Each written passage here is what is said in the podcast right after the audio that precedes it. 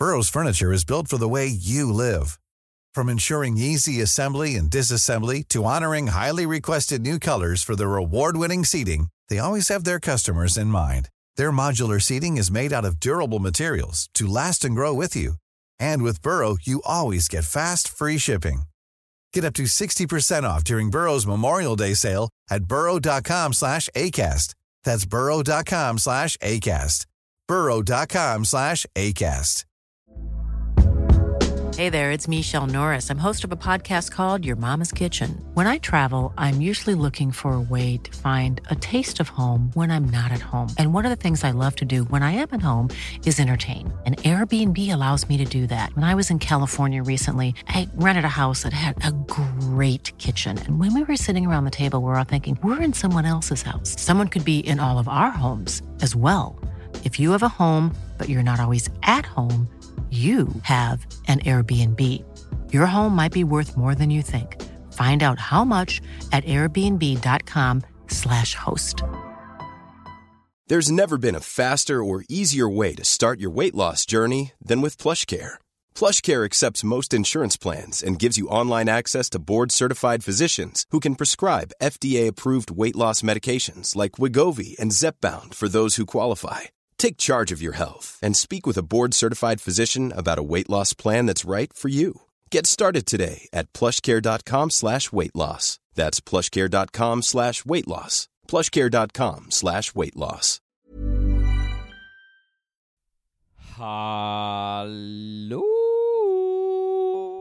Och supervälkommen ska du också vara till eh, just detta sprillans pinfärska avsnitt av din favvispodd som heter Rätt upp i verkligheten. Ja men visst, Sveriges roligaste podd ju. Ja, som görs av två killar alltså, nämligen eh, jag, Johan Hurtig Wagrell, och på andra sidan internet Jonas Strandberg. 88, tjenare mannen. Tjenare mannen! Hur mår du idag? Eh, Tipptopp kan väl säga. Ja, Ja. vad härligt. Det Ja, du- du- du- behöver inte ser- säga mer än så. Du ser pigg och glad ut och eh, nyrakad. Det var väldigt länge sedan jag såg dig utan mustaschen. ja, Så, nej ja. men eh, eh, jag glömmer ju det då eh, själv såklart. Och så Ja. varje gång fortfarande, jag, jag, jag gjorde det häromdagen, så varje gång jag ser mig själv i spegeln så är det också bara! Inte nödvändigtvis för att det är pissfult. Nej, det är inte fult. Även om, alltså känslan är ju att det är fult, men det är nog mest bara för att det är så himla annorlunda.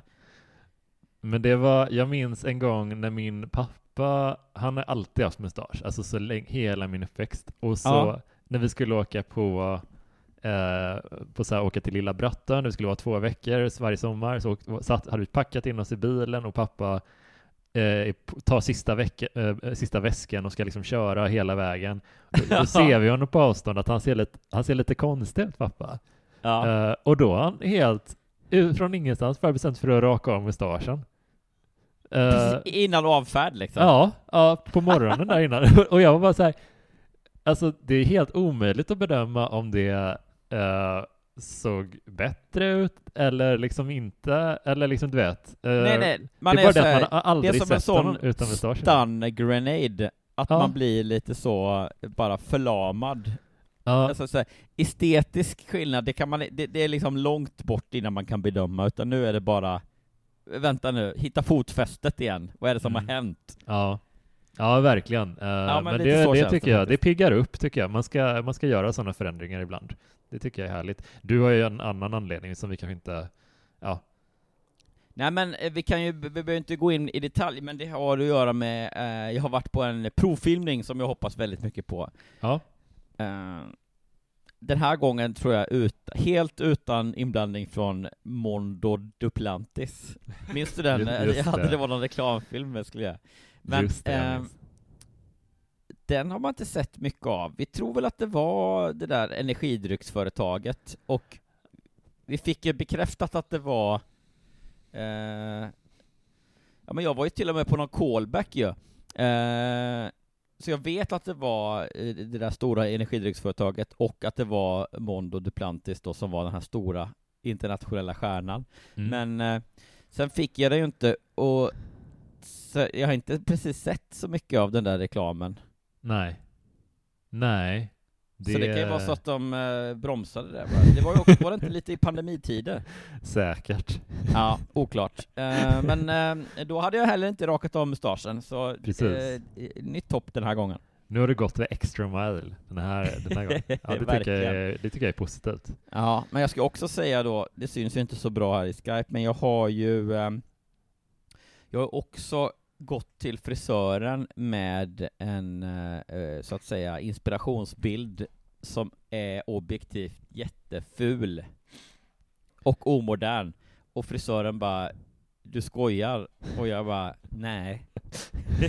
och så klippte han mig så, lite så, eh, snaggat på hela, eller kort på hela huvudet, men med lite så spretig Tintin-lugg. Ja, nej det, det tycker jag är härligt. Jag tycker vi bringar, vi tar tillbaka det tidiga 00-talet faktiskt. Ja, men på något sätt. Eh, så det var ju lite sådär, det var första gången som jag, efter att frisören, när han visade så här, okej, då ska jag visa liksom eh, hur det ser ut. Mhm. Och jag tittade på honom och bara, det ser för jävligt ut faktiskt. Kanon! det är Nej, så men- konstigt för att det var så här, "Äh, det här var inte bra. Perfekt. Nej, men det, jag tycker de här, alltså provfilmningarna och liksom dina roller, i det, det är ett bra sätt för dig att experimentera lite med lite olika stilar också. Jag tänker att det, man, Verkligen. man får liksom doppa tårna lite i, eh, ja men jag tror fan att jag såg en, eh, jag såg, eh, kolla på Gift vid första ögonkastet, eh, ja, sen ett tag tillbaka och den nya, senaste säsongen har börjat för ett tag sedan. Ja. Och eh, jag bara slog på det och bara shit vad en av tjejerna där som eh, ska i- gifta sig då, hon, hon är så, ser ut som att hon är ryckt direkt från 2007 i stilen. Oh, wow. Det är verkligen... Hon, fa- hon fastnade där liksom, eller hon Ja. stannade. Ja, alltså om du ser, om du ser liksom en bild på de kvinnliga deltagarna i programmet, då kommer du se direkt vem det är. Ja. Eh, jag lovar dig, det är verkligen Hon någonstans... drog, hon drog på 2007 och så bara, ja, Ja. jag, jag chansar på att stanna Nej, men jag tyckte, det var, jag tyckte det var, jag vet inte liksom, jag har inte hunnit kolla så länge, bara typ ett eller två avsnitt, av, så jag vet inte om hon kommer vara en sympatisk person eller något, men jag tycker stilen är, det, det var lite överraskande på något sätt, att man, man ser den stilen idag. Det, du vet, sista rycket för emo ungefär. Alltså Ja. inte riktigt emo, ändå en liten, lite prydligare, men ändå en, Ja, en st- men- stroke av emo. På- den tiden då när emo var en del, eller light-emo var en del av, eh, vad ska man säga, normen. Mm. Att det var så här, det var inte emo, det var inte värsta konstiga stilen, Nej. eller ett helt livsval, utan man kunde ha en litet emo-tröja bara. Nej, ja men precis. Eh, Älskvärt, det här ska Det, jag kolla upp. ja, nej, men det, det var trevligt. Men fan, eh, så att, eh, ja, var inte rädda för att experimentera med stilar där ute. Raka av mustaschen ibland, klippa Ja. en, en härlig ny frisyr ibland. Eh, Just det, och om någon säger någonting, så här, om ni, eh, ni köper en ny tröja och så kan, eh, har ni på dig den och så är det någon som är taskig och bara så här, eh, vad- har du en ny tröja eller fniss? Så kan du bara säga, ah, provfilmning. Ja. Det, Exakt. det funkar alltid bara, nej, provfilmning. Då är det Exakt. liksom inga följdfrågor. Fan, Men, Jaha, men jag eh, trodde du var ingenjör och jobbade på liksom eh, Atlas Copco eller Ja. någonting. Ja, provfilmning. det, det funkar för allt. Funkar Ja, det funkar för allt. Då får man inte säga något mer. Men du, eh, ska vi eh, skippa det här tramset nu och eh, sömnlöst via vignetten eh, kasta oss in i eh, första historien. Är det du som börjar idag? det är min tur. Oj, vad kul! Då eh, lutar jag mig tillbaka här i Bettys eh, lilla barnsäng eh, och tar en klunk kaffe. Så där kommer vignetten, ja. Och sen kan du bara tuta och köra.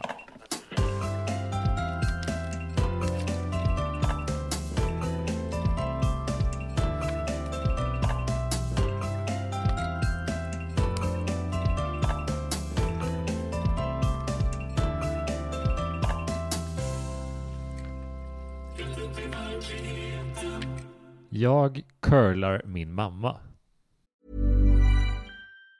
This Mother's Day, celebrate the extraordinary women in your life with a heartfelt gift from Blue Nile. Whether it's for your mom, a mother figure, or yourself as a mom, find that perfect piece to express your love and appreciation. Explore Blue Nile's exquisite pearls and mesmerizing gemstones that she's sure to love. Enjoy fast shipping options like guaranteed free shipping and returns. Make this Mother's Day unforgettable with a piece from Blue Nile. Right now, get up to 50% off at BlueNile.com. That's BlueNile.com. Burrow's furniture is built for the way you live. From ensuring easy assembly and disassembly to honoring highly requested new colors for their award-winning seating, they always have their customers in mind. Their modular seating is made out of durable materials to last and grow with you. And with Burrow, you always get fast, free shipping. Get up to 60% off during Burrow's Memorial Day sale at burrow.com slash ACAST. That's burrow.com slash ACAST. burrow.com slash ACAST. Planning for your next trip? Elevate your travel style with Quince. Quince has all the jet setting essentials you'll want for your next getaway, like European linen, premium luggage options, buttery soft Italian leather bags, and so much more. And is all priced at 50 to 80% less than similar brands. Plus, Quince only works with factories that use safe and ethical manufacturing practices. Pack your bags with high-quality essentials you'll be wearing for vacations to come with Quince. Go to quince.com/pack for free shipping and 365-day returns. Since 2013, Bombas has donated over 100 million socks, underwear, and t-shirts to those facing homelessness. If we counted those on air, this ad would last over 1,157 days. But if we counted the time it takes to make a donation possible, it would take just a few clicks. Because every time you make a purchase, Bombas donates an item to someone who needs it. Go to bombas.com slash ACAST and use code ACAST for 20% off your first purchase. That's bombas.com slash ACAST, code ACAST. I'm Sandra, and I'm just the professional your small business was looking for. But you didn't hire me because you didn't use LinkedIn jobs. LinkedIn has professionals you can't find anywhere else, including those who aren't actively looking for a new job but might be open to the perfect role, like me. In a given month, over 70% of LinkedIn users don't visit other leading job sites. So if you're not looking on LinkedIn, you'll miss out on great candidates like Sandra. Start hiring professionals like a professional. Post your free job on linkedin.com/people today. När min pappa dog blev mamma som ett hjälplöst barn. Jag tog på mig rollen som den vuxna och det gjorde att jag fick svårt att lämna mitt barndomshem. Vilken intressant dynamik ändå, för här har man ju hört det omvända, typ att eh, om det är ett eh, par som har varit gifta, levt tillsammans länge och så, eh, så har man ju hört om till exempel eh, det är en man och en kvinna och kvinnan eh, dör eller liksom försvinner ur bilden Mm. först och, ma- och mannen blir kvar. Man har ju hört då att mannen har svårt med de här vardagliga grejerna om vi snackar om en viss generation förstås. Ja, ja, att det blir Laga lite- mat och fixa hemma och sådana grejer. Alltså det, det har liksom, könsrollerna var ju liksom mer cementerade för den generationen och det har ju gjort att männen blir lite handfall männen blir lite handfallna. Ja, just det, på det praktiska liksom. Ja, exakt. Ja. Eh, Men, men den, eh, den eviga frågan då, innan vi drar igång, eh, liksom kasta oss in i berättelsen, det är ju såklart, som du förstår, om, om du fick välja, skulle du eller din tj- tjej dö först när det, när det, när det börjar komma upp er i åren? Alltså jag vill ju dö först förstås. Jag vill inte bli kvar själv. Nej, det, men, men samtidigt så är det så här, då missar du ju massa år ändå. Det tror jag inte. nej, nej, Jag är, jag är ganska nöjd egentligen. som det är faktiskt. Ja, jag tänker efter, eh, och det är nog eh, liksom, men det är nog också det egoistiska svaret, eller hur? Eh, ja, jag antar det på, på något plan. Eh, Ja. Men det innebär ju också att den andra får leva längre, så att det, det, Ja. det är också positivt. Ja, tur att man inte kanske behöver välja då. Ja, usch. Eh, ja, nej, men jag vill höra nu om eh, det här på nytt barnet istället. Nu kör vi. För några år sedan pratades det mycket om så kallade curlingföräldrar. Man läste överallt om mammor och pappor som sopar banan för sina barn och på så sätt underlättade allt som kan tänkas svårt och besvärligt. Det är kanske inte alltid det lämpligaste. Men jag tänker att det också kan vara omvänt. Det finns nämligen barn som curlar sina föräldrar också, som inte vågar släppa taget och ett sånt barn var jag. Eh, när jag växte upp hade jag en alldeles normal relation till min mamma. Jag var som tonåringar är mest och mamma var väl som de flesta andra tonårsmammor. Vi var inte alltid sams, men vi visste alltid vad vi hade varandra och behövde inte oroas. Men så dog min pappa och det förändrade allt. Själv tog jag inte pappas död så väldigt hårt, för han och jag hade aldrig någon nära relation. Ja, det var ju lite konstigt uttryckt, men, eh, men ja, to each Ja, men uppfriskande för sig, men ehm, jag tycker det är intressant att det kastas lite mellan eh, mellan tempus, va? Att det är så här, ibland är det jag, jag curlar min mamma, alltså att vi är kvar i den situationen. Mm. Och ibland är det också så här, eh, det blev att jag tog hand om henne för mycket och sådär. Så jag undrar, om vi ska gissa lite utan att kika, eh, var, var tror du att vi slutar historien när hon har på något sätt löst det och kommit vidare, eller att hon är kvar i den här situationen?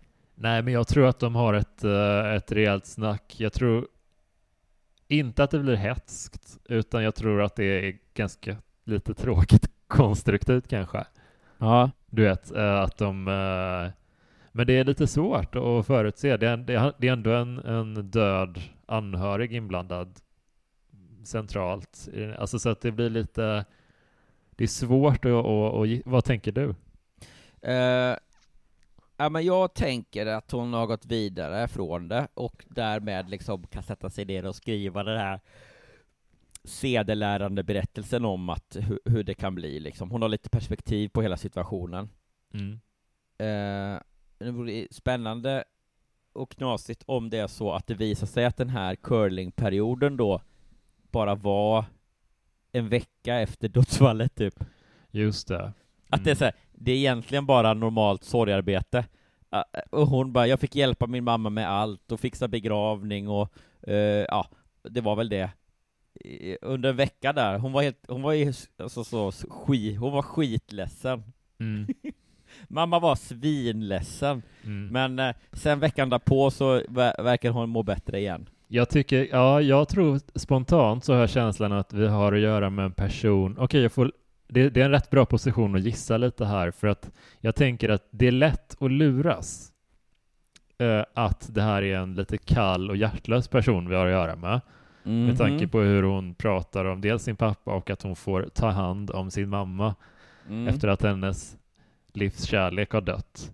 Eh, så, men jag tror att det är så här mer som det lätt kan bli i relationer med viss dynamik, att den ena är väldigt känslosam eh, och väldigt eh, ja, men emotionell och liksom reagerar på mycket. Och då blir den andra intvingad inom citationstecken till att vara den mer rationella och lite Och det är dottern här då, tänker du? Ja, det tror jag. Jag tror att hennes mamma, hon är lite irriterad på hennes mamma, att hennes mamma sen lång tid tillbaka, sen långt innan det här dödsfallet, så har hon alltid känt att mamman är den känslostyrda. Och Ja, att hon ja, får okej, alltid ja. lugna ner mamman, typ så. Jag tror att det är en, en sån dynamik. Och då, då har hon, dottern tvingats att bli mera, eh, eller tvingats att bli kallare än vad hon egentligen är kanske. Ah, ja, så hon är liksom, en, egentligen, dottern är egentligen en stereotyp så eh, avstängd autistson som bara, Mm. Ja, men på ett sätt ja. Eh, men, eh, jo, men jag tror att de har haft en lite knackig relation de två. Hon har inte haft någon relation med sin pappa, den här huvudpersonen. Och hon har haft en lite konstig relation med sin mamma. Ja, men då, ja, jag vet inte. nej men Det är vet du också så här, Uppväxt. Det skulle kunna vara så också att hon, hon säger ju att hon har inte haft någon vidare relation med sin pappa, så pass att hon inte egentligen känner sig så ledsen när han dör. Det, det liksom hintar ju om en stor grej ändå, typ som att han var inte närvarande, så Mm. därför, ja, jag har aldrig, han har aldrig varit där för mig när han levde, så det är inte så ledset för mig när han dör liksom. Just det. Har man den dynamiken eller relationen till sin pappa, och då tänker man sig att det finns rätt mycket latent liksom ilska eller besvikelse där, Mm. då blir det också så här, när, när ens mamma då, som man har en bra relation med, när hon blir liksom förkrossad och jätteledsen över att den här då, inom citattecken, sk- skitstöven går bort, då blir det också liksom Ja men nästan som en irritation kanske, eller man tycker det liksom fasen du ska inte, var inte ledsen över det här liksom, han var ju inget, han var inget att ha liksom. Att man blir lite, man blir lite sur nästan för att pappa ska få den liksom, så mycket sympati och, och påverka mamman så mycket, fast Mm. han inte fanns där för mig liksom. Mm. Tänker du inte det? Jo, jag tänker det. Men jag tänker också att eh, jag råkade tjuvkika lite, bara ett stycke framåt. Och jag tror att vi... eh, hon, jag tror att det är nästan som att uh, brevskrivaren lyssnar på vad du och jag säger och spekulerar kring hennes Ja, uh, och känslor. Bemöter detta redan liksom i, direkt i texten här. Ja, det, det är en känsla jag har. Det är som att vi är i den här Neverending Story, denna fantastiska film, Mm. och att liksom berättelsen, vi, vi är plötsligt en del av berättelsen här lite grann. Ja, exakt. Att nästa stycke börjar med sig, jag hör vad ni säger Jonas och Johan, men så här var det. Det skulle vara underbart. Alltså verkligen interaktiv, eh, interaktiv läsarberättelse. Vi kanske ska skriva den långfilmen tillsammans, du och jag, att det är så här, två killar har en podd där de får liksom, eh, där de läser upp eh, eh, berättelser, eh, som folks verkliga berättelser, och Mm. så märker de att de också liksom upplever det i stor utsträckning i sina vanliga liv liksom, som att Ja. de säger Berättelserna de har läst händer plötsligt liksom när de går ut på gatan sen. Ja, det hade, det hade varit underbart. Ja, det är bra. Det känns som en så här skön 80-talspremiss på en film. Ja, ja 100 procent. Alltså, Ja. jag, jag, jag, hade, jag hade gärna sett den åtminstone. Ja, men det är en bra början. Um, Okej, Och vet du, då kan jag också göra en jätteny konstig utseendeförändring och så kan jag säga så här, provfilmning. ja, du passar Ja, verkligen vad- på. Hallå Johan, du har bara skrivit, du har bara skrivit ett manus. Ja, men det är eh, provfilmning. Ja.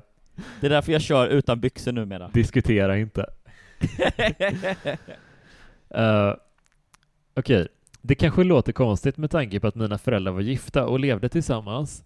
Men eh, pappa var en mycket gammaldags person och hade väldigt lite att göra med min fostran. Alltså var han mer en figur i periferin än en närvarande far. Så för mig var det mest som om vilken släkting eh, som helst gått bort.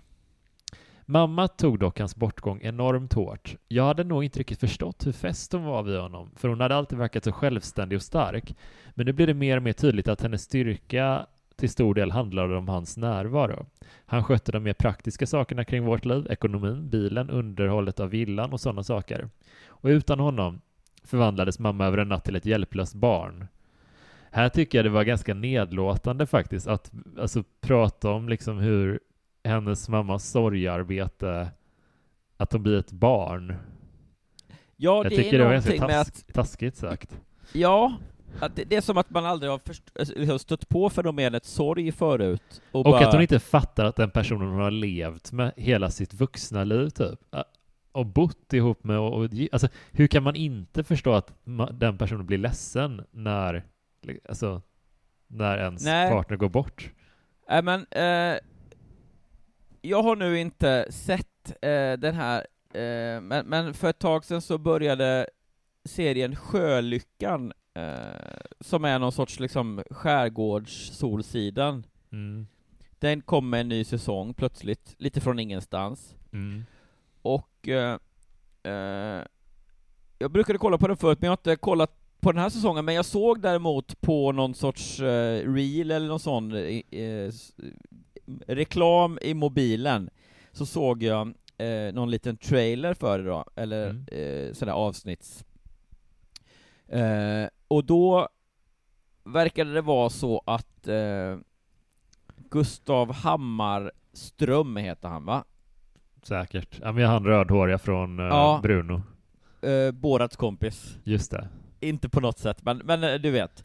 Han, ehm, han är ju någon pappa då till någon liksom tonårsbarn, och hon verkar ha varit så att hon har liksom spenderat typ ett halvår i Frankrike och bott Mm. i Paris liksom, och kommer hem och är sådär typ tonårs, ehm, tonårs full av att hon börjar se på världen med ett nytt eh, öga, du vet, liksom man upptäcker allt som är fel här i världen och orättvisorna och att vi borde, vi blir vegetarianer allihopa och så, alltså så de liksom driver lite med det här eh, tonåringen som börjar liksom tänka själv och då tror att alla tankar är liksom helt otänkta.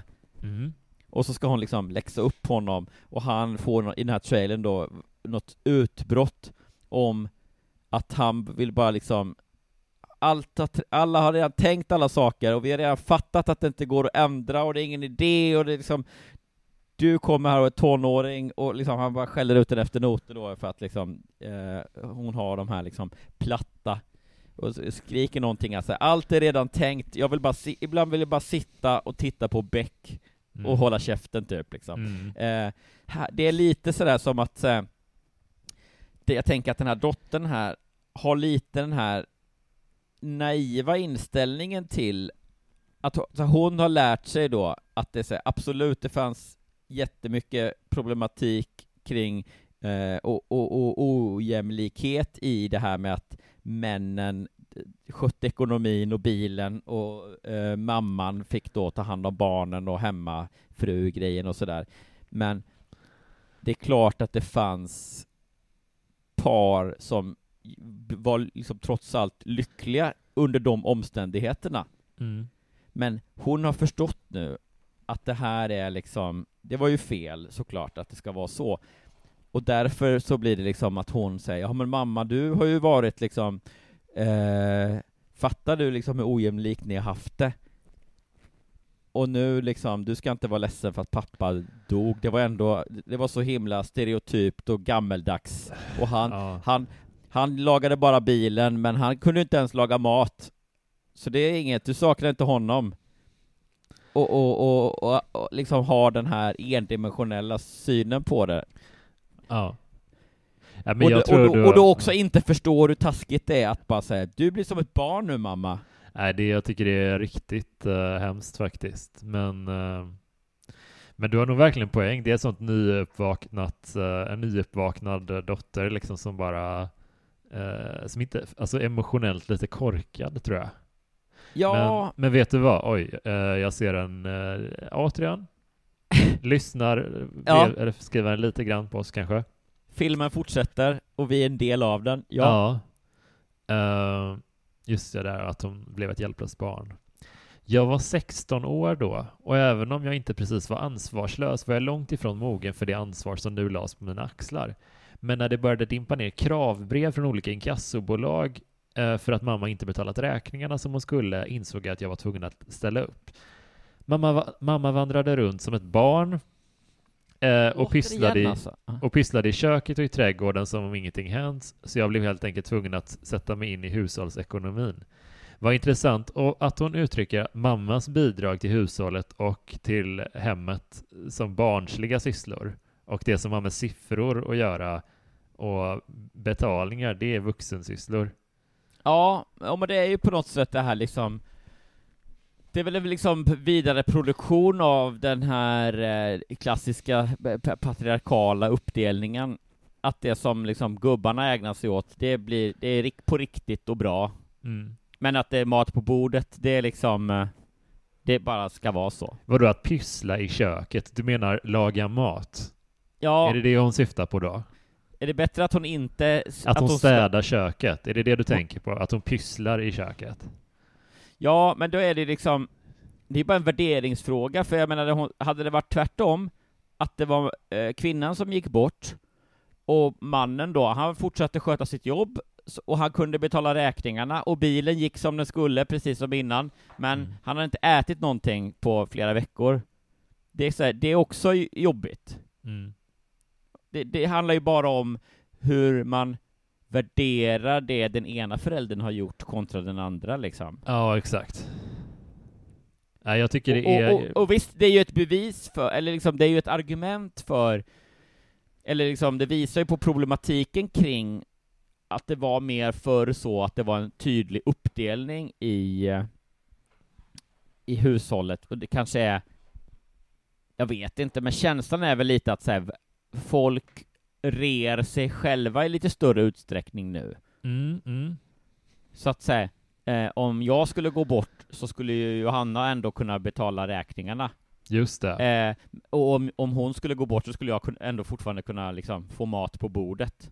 Vilket är skönt, men, men, men eh, det är ju fortfarande så tycker jag att f- särskilt då i relationer där man har varit ihop och levt tillsammans så himla länge att ehm, viss, alltså båda gör ju inte allt, utan det blir väl naturligt så att eh, den ena kanske är lite mer eh, pysslig och hemmafixig och så, Mm. eh, och den andra kanske är lite mer liksom eh, betala räknig-ig.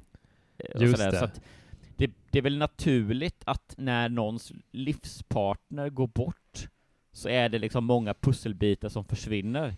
Mm. Och det är väl eh, så här rimligt att andra då kan kliva in. Liksom det tråkiga i det här fallet är ju att hon verkar vara ensam om det och att hon Mm. var 16 bara liksom. Mm, mm, exakt. Man Eh, önskar att det finns liksom vänner till familjen eller syskon till olika och så här, som är lite mer vuxna kanske. Ja, ja, men jag håller med. Alltså, det är lite så... Ja, men det, det känns som att det är mycket mellan raderna här. Alltså mycket som vi inte får veta om den här familjedynamiken som har lett Ja, fram till de här med. känslorna. Det känns som att det är en liten, eh, mellan raderna, en liten oroväckande, ett, en avsaknad av eh, nära skyddsnät så att säga. Mm. Precis. Eh, ja, vi kör. Eh, så får vi reda på det här om det resulterar i en enorm konflikt eller om det bara, ja, om de lyckas resolva de här jävla problemen. Ja. Eh, samma sak var det när vi plötsligt fick kallt i hela huset. Det var jag som till sist kollade pannan och insåg att den var trasig och det var också jag som fick ringa och ordna så att vi kunde få en ny installerad. Samtidigt pågick mitt eget liv, men det var ett liv vid sidan av. Jag var alltid tvungen att sätta mamma främst och mina egna intressen och drömmar fick ofta stryka på foten. Jag började även att jobba extra efter skolan så att vi skulle klara oss ekonomiskt. När jag gick ut från gymnasiet var det med medelmåttiga betyg eftersom jag var tvungen att arbeta så mycket på kvällar och helger. Det gick ändå ganska bra så länge det handlade om en så länge det handlade om en ett biobesök eller en tjejfest, men när jag blev kär för första gången var det svårare att klara av det. Jag ville ju träffa Tobias så ofta jag kunde, men mammas hjälplöshet gjorde att jag bara kunde träffa honom vissa kvällar. Hon klarade helt enkelt inte av att vara ensam och det förklarade hon också för mig med klagande stämma. Är, är det lite falskvarning där när hon blir liksom head over heels kär i någon som heter Tobias? Eh, jag vet inte. Det är väl generationskorrekt, I guess. Alltså jag tror att hon är ju, jag misstänker att hon är lite yngre än oss kanske, ja, men inte, jag tycker inte det säger så mycket liksom. Om, Ja, men, det är generationstypiskt. Jag tycker inte det Har du någon, eh, har du någon eh, immediate family som heter Tobias så jag gör bort mig nu? Nej, nej. Nej, nej. Ja, men då skulle jag vilja hävda ändå lite grann att det är, ingen har någonsin blivit head over heels kär i Tobias. Eh, Alltså, det är så här, folk har blivit ihop med Tobias för att man har träffat Tobias och, ja, man kan väl gå på en dejt till eller liksom, han har, Tobias har alltid funnits där och det har Mm. vuxit fram, men det är ingen som har liksom Ingen har någonsin träffat Tobias och beskrivit det som att det sa bara klick. nej, nej. förlåt, förlåt Tobias, men du vet, att jag, du vet att det är sant. Att vara på semester med Tobias var förstås ännu mer omöjligt. Ja, kanske var flera anledningar då. Det förblev, det förblev en ouppnåelig dröm. Hur skulle mamma klara sig i en hel vecka? Eh, eller ens ett veckoslut. Jag försökte övertala henne vid ett par tillfällen men hon vidhöll att det inte skulle fungera. Du vet hur svårt jag tycker det är att vara ensam och en hel vecka sen sa hon med liten och tunn röst. Det var ju så mycket som kunde hända, fortsatte hon. Tänk om det blev strömavbrott eller om varmvattnet slutade komma. Vad skulle hon göra då? Vem skulle hon ringa? Jag lovade henne att skriva ner alla telefonnummer hon kunde tänkas behöva, men jag förstod ändå att hon inte skulle bli lugn, så jag stannade helt enkelt hemma. Det var kanske inte så konstigt att Tobias till slut tröttnade på mig, fast om man ska vara ärlig så var det min mamma han tröttnade på. Han bönade och bad mig att försöka släppa taget om henne, i alla fall lite, så att vi kunde leva ett liv tillsammans. Men fast jag insåg att han hade rätt och jag var tvungen att försöka tänka lite på mig själv också, så klarade jag inte av det och till sist lämnade han mig. Ja, jag tror, hade det inte varit Tobias, utan hade det varit någon sån, en liksom stilig Martin eller någonting, då, eh, då hade det räckt, då hade hon liksom orkat ta tag i situationen.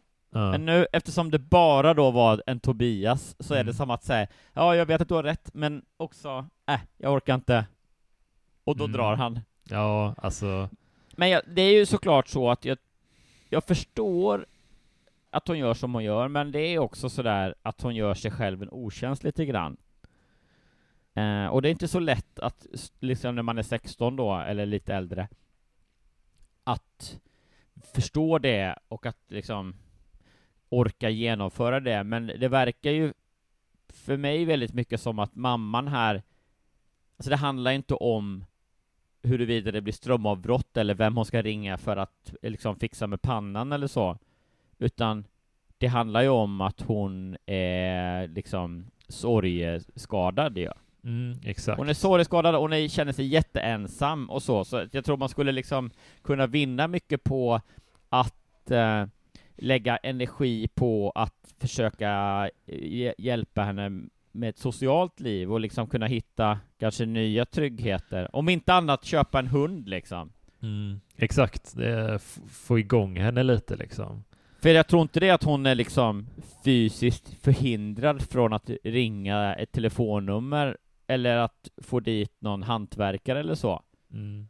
Utan det är ju det att det liksom, hon har aldrig gjort det och det känns så liksom jobbigt och det var ändå Ingemar som gjorde allt det här. Mm. Är du med på vad jag menar? Att det ja, handlar inte jag om... fattar, jag fattar vad du menar. det handlar jag. inte om grejerna i sig, Nej, nej, nej, jag fattar. utan det handlar om att hon är liksom, han är borta ju. Ja, och varje gång det händer något skit med huset så påminns hon om att det här fixade han när han var här. Exakt, exakt. Ja, jag fattar. Eh, själv bodde jag kvar hemma och fortsatte på samma sätt och med tiden blev det ganska ensamt. Det var mest mamma och jag. Eh, och hon trivdes förstås förträffligt. Eh, men jag kände mig mer och mer instängd och när jag började närma mig 30 insåg jag till slut att jag var tvungen att ändra på saker och ting. Mm. Skulle jag bo ensam skulle jag bo hemma resten av livet, aldrig träffa en man, aldrig få en egen familj? Nej, jag skulle helt enkelt inte stå ut. Det är ändå mamma- halva hennes liv då om hon var 16 när det hände, och sen nu var hon 30 Ja, i princip. Det är rätt grovt att inte ha kommit igång, alltså efter, efter det. Alltså det är Nej. väldigt lång tid. Ja, verkligen. Och vet du vad? Jag tror, jag tror faktiskt inte att mamman egentligen tycker det är så förträffligt heller. Nej. Det är jag nog bekvämt bara, bara. att båda liksom, det blir en låsning i det här, eh,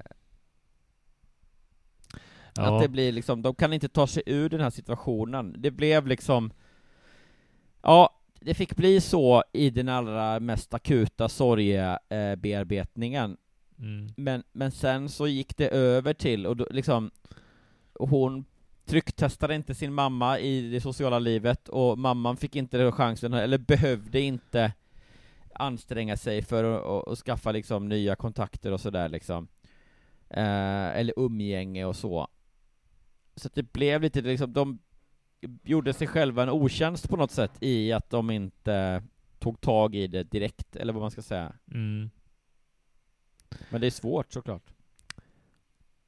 Men jag kände mig mer och mer instängd och när jag, eh, just det, eh, där, eh, just det, mamma blev oerhört upprörd när jag förklarade att jag, att jag ville sälja huset och skaffa oss varsin lägenhet. Hon skrek åt mig att hon aldrig skulle gå med på att sälja huset, men den här gången vek jag mig inte. Hon fick göra som hon ville, förklarade jag, men om hon inte gick med på att sälja och skaffa varsin lägenhet så skulle jag ändå flytta. Till sist gick hon eh, faktiskt med på att sälja och efter en tid kunde flytta in i varsin trivsam tvåa, inte allt för långt från varandra. Mm. I början ringde hon mig flera gånger om dagen. Ibland grät hon, ibland anklagade hon mig för att ha förstört hennes liv. Jag försökte vara tålmodig och förklara att jag också måste få leva mitt liv. Men det var inte mycket av det jag sa som gick in. Delvis var Otroligt starkt ändå att säga, om det nu är så att hon faktiskt har sagt att hon har förstört hennes liv, det är väldigt Mm. så här, det är inte okej liksom. Nej, verkligen. Alltså, riktig mardrömskärring verkar hon vara nu. Jag Ja, var på det viset så är det så här, det tyder ju på en väldigt konstig, eh, skev eh, relation. Det är så här, nej men du är ju mamma här, du får inte glömma det. Det är inte så att det är två systrar eller två polare som man kan liksom Nej, men exakt. Och jag var ju på hennes sida i början, men nu när det har gått näs- nästan fem, alltså säkert 15 år, det är fan, då får du skärpa dig på riktigt Ja, alltså. fan. Åke Eh. stendöd, det är, bara, det är bara så det är. Jag försökte vara tålmodig och förklara att jag också måste få leva mitt liv, men det var inte mycket av det jag sa som gick in. Delvis var det förstås mitt eget fel att hon blivit så egoistisk. Jag hade ställt upp alldeles för länge och med alldeles för få förbehåll, och i början hade jag också väldigt dåligt samvete. Ibland var jag på vippen att ringa henne och säga att vi kunde flytta ihop igen, men jag hejdade mig. Jag behövde leva mitt eget liv och kanske var det också så att mamma behövde leva sitt. Det där var en tanke som inte slagit mig för, men när jag tänkte mer på det kändes det helt rätt. Mamma var långt ifrån lastgammal, så varför skulle hon leva sitt liv och vara beroende av sin dotter? Och efter något år började faktiskt mamma ta tag i sitt eget liv. Hon kunde naturligtvis komma med gliringar ibland, men jag tog inte åt mig. Jag hade mitt eget liv nu och när vi träffades gjorde vi det på lika villkor. Eh, och faktum är att vår relation förbättrades avsevärt. Efter en tid möttes Tobias och jag på nytt och denna gång fungerade vårt förhållande. Idag är vi gifta och har två döttrar. Wow! Mamma å sin sida är en pigg och glad och framförallt självständig pensionär som har många vänner och ett roligt liv. Roligast är att träffa barnbarnen, säger hon, och det gör mig förstås glad och rörd. Hon har numera insett att hon mår bäst av att leva sitt eget liv och framförallt har hon insett att min kärlek till henne inte är mindre bara för att jag har min egen familj. Om något har den vuxit sig ännu starkare nu sedan jag slutat vara en curlingdotter. Vilma. Okej. Okay. Ja, wow. Ja. Vad tror vi eh. då? Det, kan, det vara, kan det vara sant där? Ja, eh, eh, då, då tror vi att den här, vi gissar direkt va? Mm. Ja, vi tror att den här berättelsen om Ingmar som var tokig i att betala räkningar, vi tror att den är ett, två, tre, sann. Sann. Ja men känslorna i texten känns ju väldigt sann, sanna. Ja, och att den var så ändå lågintensiv och lite konstig va? Ja, exakt. Man kände att det var så mycket som vi var inne på mellan raderna som inte var liksom hanterat sen tidigare.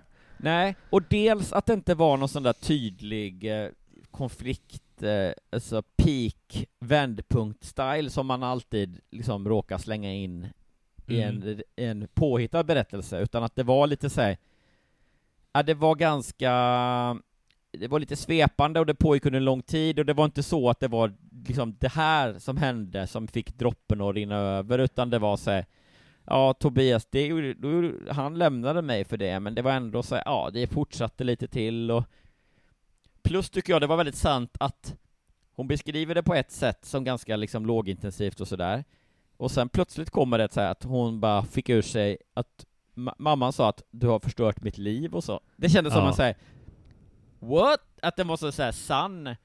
För hade man hittat på någonting så hade man nog inte liksom tagit i så jävla mycket från ingenstans där. Nej, jag tyckte det kändes väldigt äkta, väldigt såhär codependent uh, situation mellan de två. Uh, ja. Faktiskt, och det bygger en, en, uh, en ils, ilska som bara puttrar mellan de två liksom ja. när de befinner sig i den.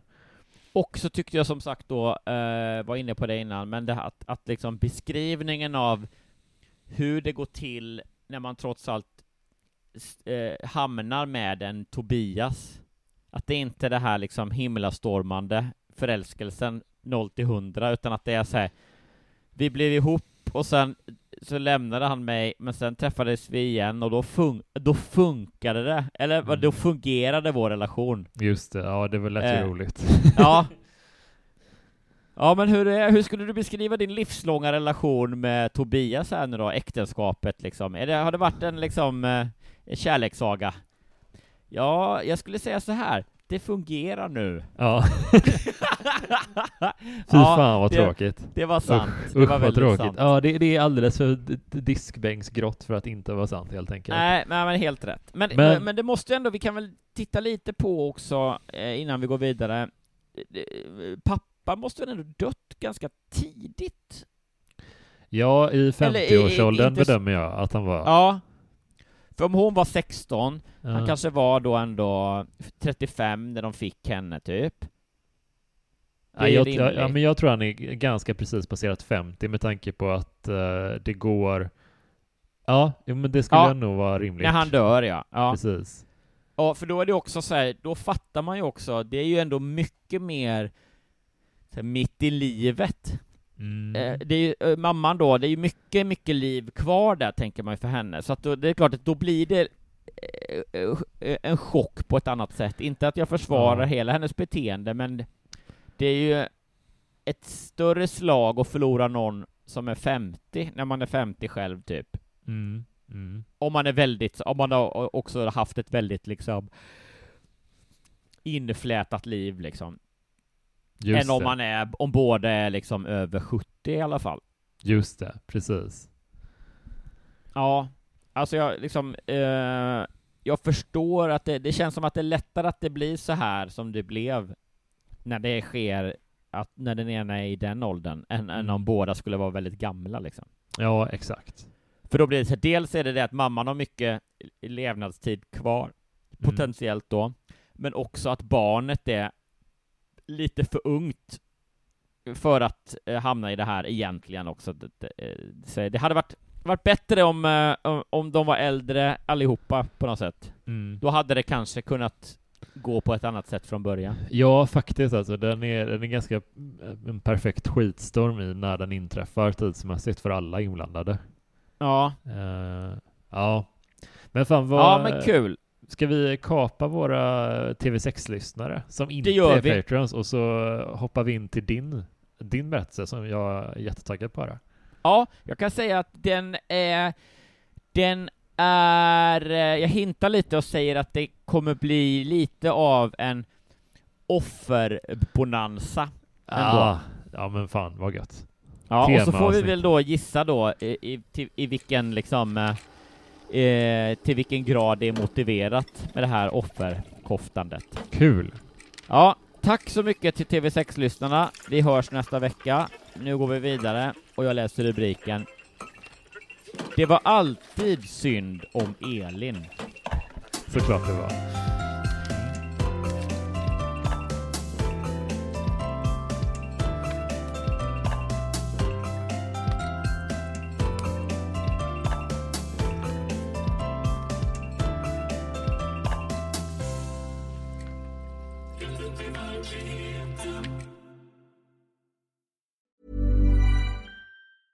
Planning for your next trip?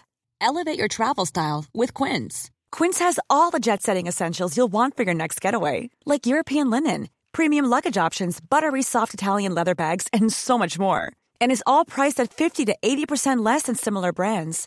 Plus, Quince only works with factories that use safe and ethical manufacturing practices. Pack your bags with high-quality essentials you'll be wearing for vacations to come with Quince. Go to quince.com slash pack for free shipping and 365-day returns. Hey, it's Paige DeSorbo from Giggly Squad. High quality fashion without the price tag. Say hello to Quince. I'm snagging high-end essentials like cozy cashmere sweaters, sleek leather jackets, fine jewelry, and so much more. With Quince being 50 to 80% less than similar brands. And they partner with factories that prioritize safe, ethical, and responsible manufacturing. I love that. Luxury quality within reach. Go to quince.com slash style to get free shipping and 365 day returns on your next order. Quince.com slash style.